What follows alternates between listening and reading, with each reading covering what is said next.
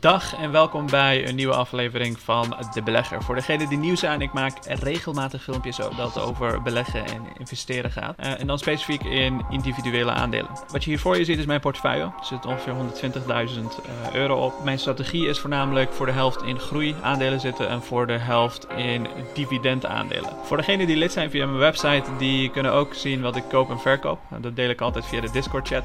Dus als je daar geïnteresseerd in bent, ga even naar de website en bekijk wat je mogelijkheden zijn, wat je interessant zou vinden. Daarnaast heb ik uh, natuurlijk ook beleggingen in vastgoed. Ik heb mijn uh, eigen onderneming en ik heb nog gewoon een baan en spaargeld. En in totaal komt mijn vermogen op meer dan een half miljoen uit. Maar vandaag gaan we het hebben voornamelijk over Tesla. En uh, Tesla is een aandeel wat ik heb gekocht toen het 240 per stuk was, of 280.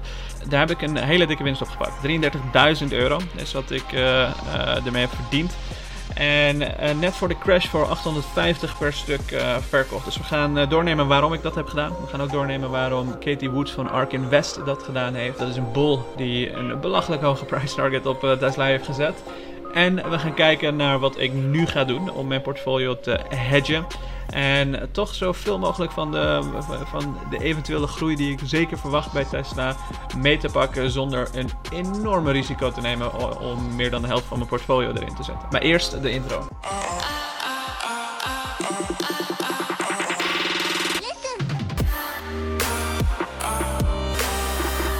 Wanneer je net begonnen bent, dan lijkt een portefeuille van 120.000 euro ontzettend veel. En uh, het kan soms ook heel intimiderend uh, overkomen. Maar dit is een portefeuille die ik over de afgelopen acht jaar heen gebouwd heb. Het is niet in één dag uh, gebouwd. Kleine stukjes ingelegd en over tijd heen is het uh, groot geworden. En dit blijft ook, alle geld wat hierin blijft, blijft ook altijd in deze portefeuille zitten. Ik zal hem over de loop van 10, 15 jaar en de komende 20 jaar nog blijven opbouwen. En op die manier hoop ik een vermogen, een belegd vermogen van meer dan een miljoen te realiseren. Um, Huidig vermogen is meer dan een half miljoen. Uh, maar een miljoen moet uh, denk ik wel lukken als je de juiste stappen neemt en een goed rendement uh, behaalt. En zo niet, ik ben bereid alles te verliezen, maar ik, ik, ik ben er zeker van dat dat niet gaat gebeuren. Dus, vandaag gaan we het hebben over waarom ik Tesla verkocht heb. Je kent het waarschijnlijk wel. je hebt een hele goede investering gedaan in een bedrijf die keer 2 of 3 is gegaan en uh, een, van de grootste, uh, uh, ja, een van de grootste aandelen in je portefeuille is geworden. En dat zijn momenten waarin je jezelf natuurlijk een aantal dingen moet afvragen. En er komt ook redelijk wat emotie en gedachtegang bij kijken. Um, vroeger, toen ik net begonnen was, misschien in het tweede, derde jaar of iets dergelijks met beleggen, dan zou ik denken in zo'n geval van, yo, um, laten we gaan. Het is uh, geld wat ik alleen maar, het is alleen maar winst wat ik zou verliezen als het naar beneden zou gaan en dat soort zaken. Maar over de loop van tijd heen leer je meer psychologie van beleggen kennen. Als je mijn vorige video hebt gezien, dan zie je al een aantal psychologische valkuilen voor meeste beleggers. Maar een van de belangrijkste dingen die je uh, moet weten is dat je geld niet als abstractie moet zien. En uh, geld als abstractie zien betekent dat je het niet als echt geld ziet. Dus dat is wat bijvoorbeeld creditcardmaatschappijen en banken heel makkelijk, uh, heel, heel erg proberen bij je te, aan te wakkeren. Want als je geld als, als abstractie ziet, dan zie je het niet meer als echt. Je hebt geen 100 euro biljet die je in je hand hebt. Maar in plaats daarvan zie je een paar cijfertjes op een scherm. En dan ben je dus meer geneigd om te gaan pinnen en uh, al dat soort zaken. Precies hetzelfde geldt voor beleggen. Veel mensen die beleggen, die zien geld echt als een abstractie in, uh, uh, in hun portefeuille. je ziet daar een paar cijfertjes, die gaan omhoog en omlaag. De ene dag is het plus 1000, de andere dag min 2000. Dus je vergeet bijna dat het echt geld is waar je natuurlijk hier, wat je hierin uh, hebt zitten. En dat zijn momenten dat je dan ook uh, je afvraagt wanneer zo'n aandeel nou zo groot is geworden.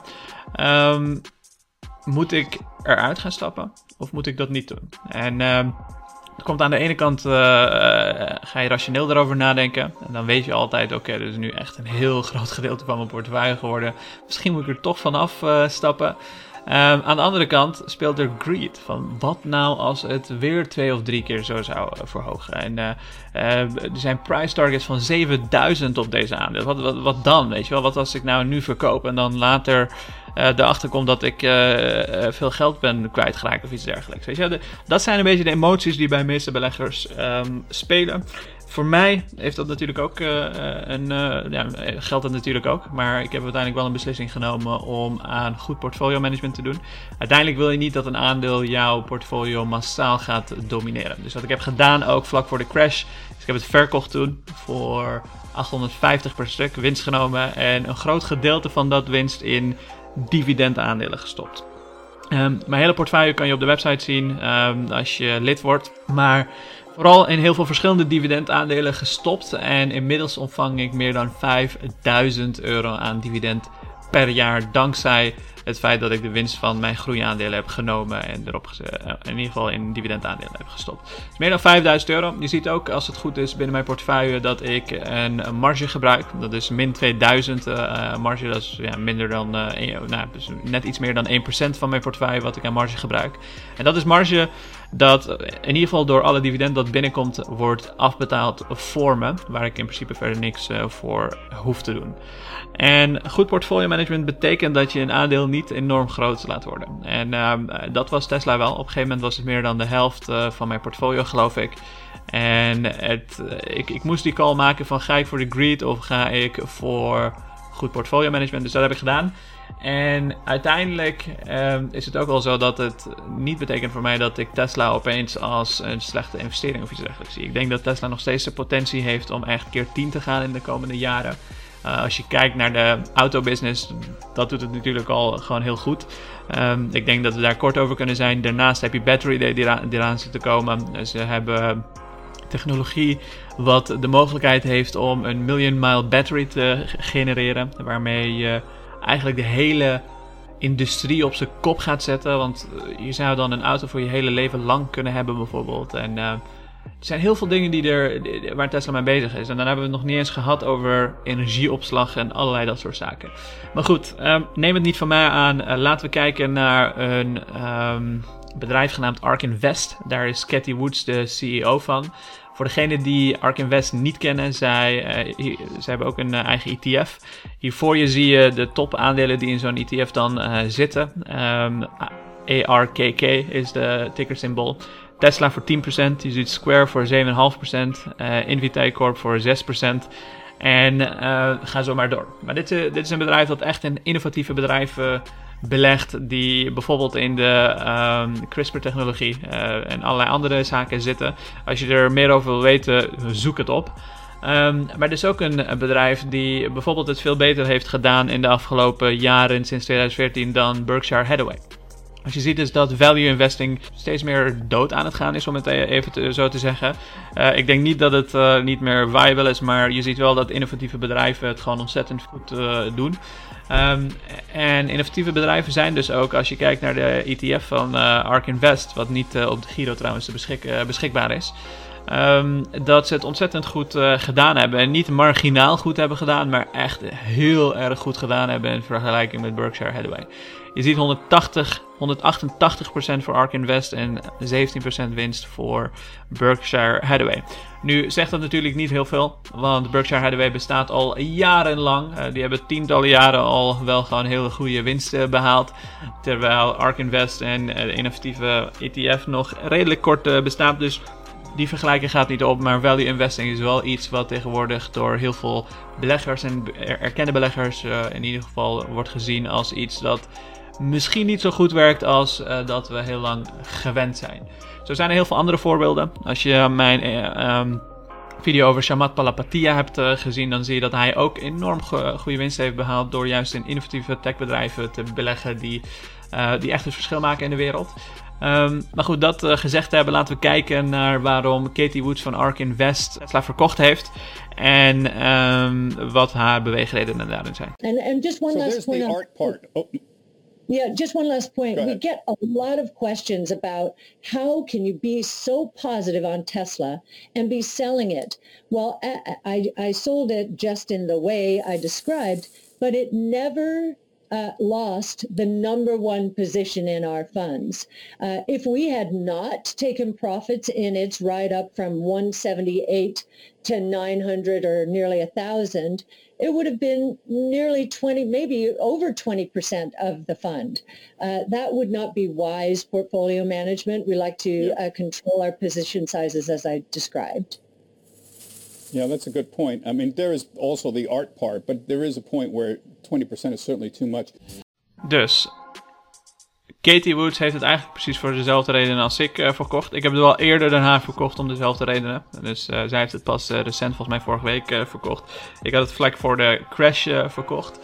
Um, dus dat is, het is iets wat heel vaak gebeurt. Het is iets wat, als je, zeker als je een groot portfolio bouwt over de loop van jaren heen, wil je natuurlijk geld niet als abstractie zien. Dus je wilt ook niet uh, uh, je geld kwijtraken of in ieder geval te veel risico nemen, waardoor je heel speculatief bezig bent. En Tesla, wat mij betreft, zit wel nog in die speculatieve fase. Want ehm, het is voorlopig nog gewoon een autobedrijf.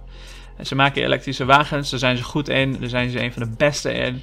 Uh, in principe hebben ze geen concurrentie, geen echte concurrentie voorlopig uh, op dat gebied. Uh, maar als het op batteries aankomt en als het aankomt op eh, energieopslag en dergelijke, dan hebben ze nog ontzettend veel toekomst voor zich. Energieopslag hebben ze zich al wel bewezen, maar dat is iets wat ze nog schaalbaar moeten maken. Uh, maar als het uh, aankomt op uh, battery, de battery day is ontzettend gehyped. Vandaar ook dat die Tesla-aandeel zo hoog, is, hoog staat, zoals het nu staat. Maar het is wel iets dat als ze het goed krijgen, dat het aandeel ook wel echt enorm kan gaan stijgen. En met enorm bedoel ik dat het echt, echt enorm gaat zijn. En als ze het niet goed krijgen, dan kan het ook zijn dat ze op zijn minst 30, 40 procent omlaag zouden kunnen kelderen over de komende tijd. Um, en in het uh, beste geval dat ze dan even in de komende jaar, twee jaar misschien uh, op dezelfde lijn blijven van 800, tussen 800 en misschien 1000, dat ze nog bovenop gaan. Dat is nog ongeveer wat ik ervan verwacht. maar dat zou dus kunnen. En um, die risico ben ik niet bereid om te nemen. Want voor hetzelfde geld uh, halen ze die Battery Day, uh, hebben ze niets innovatiefs uh, te melden. Dat gebeurt niet vaak bij Tesla, maar Million Mile Battery is nogal wat om, om te creëren. Dus het is wel speculatief. Als je in Tesla nu zit, en zeker met een heel groot gedeelte van je portfolio, dan um, zal het waarschijnlijk een, um, ja, een, een, een, een hele grote gok zijn. En die grote gok ben ik niet bereid om te nemen, maar wat ik wel doe in sommige gevallen, en dat doe ik echt niet vaak. Um, als het een aandeel is wat ik echt ontzettend goed ken, uh, waarvan ik weet wat de risico's ervan zijn, dan kijk ik even naar mijn risicomanagementstrategie. Ja, risicomanagementstrategie dat is iets wat, iets wat uh, je altijd uh, eigenlijk moet hebben, achter de hand moet hebben. En alleen moet toepassen in gevallen waarvan je denkt dat de risk-reward dusdanig groot is dat je er heel veel uit zou kunnen halen. En in dit geval is dat zo. In dit geval denk ik dat als ze, die, ze de Million Mile Battery lanceren en daar meer over vertellen, dat Tesla-aandeel in de komende tijd echt wel heel erg omhoog uh, kan gaan. En uh, vandaar ook dat ik een stukje ga speculeren. Want speculeren doe ik dan liever niet met een groot gedeelte van mijn portfolio, maar dat doe ik dan met een klein bedrag die ik uh, zou kunnen missen. En speculeren voor mij betekent dat ik in dit geval een turbo ga aanschaffen. Een turbo waarbij ik misschien 1000, 2000 euro riskeer. En de upside is dan dat ik misschien met 20, 30.000 euro belegd vermogen in dat geval, omdat het een turbo is met een hefboom um, erin heb geïnvesteerd. Dus ik pak dan wel die grote wave mee als dat uh, eraan zit te komen. Maar als het misgaat en ze gaan naar beneden. Het, de meeste wat ik dan kwijt zou kunnen raken is 1 of 2k. Dus dat is, dat is die risicomanagement waar ik het dus uh, over had. Uh, wat stel Tesla zou omlaag gaan en ik heb er 33.000 euro of uh, 40.000 euro in zitten. Of laten we zeggen 20.000 euro of iets dergelijks. stel ik heb er 20.000 euro in zitten en het gaat met 30% omlaag. Dan zou ik dus 6.000 euro omlaag gaan in mijn portefeuillewaarde. Terwijl als het met net zoveel omlaag zou gaan en ik heb een turbo erop gepakt, dan zou het misschien met 1000 of 2000 uh, omlaag gaan. Voor hetzelfde geld, als het omhoog gaat, zou ik wel de volledige winst pakken van dat belegd, belegd vermogen. Dus uh, dat is risicomanagement die ik nu in gedachten heb. Het is iets waar ik ontzettend mee aan het spelen ben. Um, dit zijn wel dingen die je natuurlijk uh, ontzettend goed moet timen. En als je het verkeerd timet, kan het je ook heel veel geld gaan kosten. Als je een belegger bent die net begonnen is, zou ik je zeker niet gaan branden aan dit soort dingen. laat dit aan mensen over die de risico bereid zijn om te nemen en daarnaast ook weten hoe dit in elkaar zit. Um, dus als je iemand bent die mij volgt, want dat gebeurt soms, daar heb ik geen controle over, maar er zijn mensen die gewoon letterlijk kopiëren wat ik doe. Doe het niet. Um, het is een risico die je loopt. En uh, ik hoop dat je weet dat alles wat ik hier vertelt geen financieel advies of iets dergelijks is. En het is niet iets wat je moet gaan kopiëren. Maar dat is wel wat ik van plan ben om te doen om mijn portfolio te hedgen. En ik ga dat dus ook in de Discord chat met anderen delen, zodat zij ook kunnen zien waar ik mee bezig ben, welke beslissingen ik neem en wat voor effect dat heeft op mijn portfolio op de lange termijn. Met dat gezegd te hebben, dank voor het kijken en ik hoop dat het duidelijk was wat mijn strategie is met Tesla en hoe mijn portefeuille in elkaar zit. Alvast bedankt en laat even een like en een comment achter met als teken van je support. Dankjewel.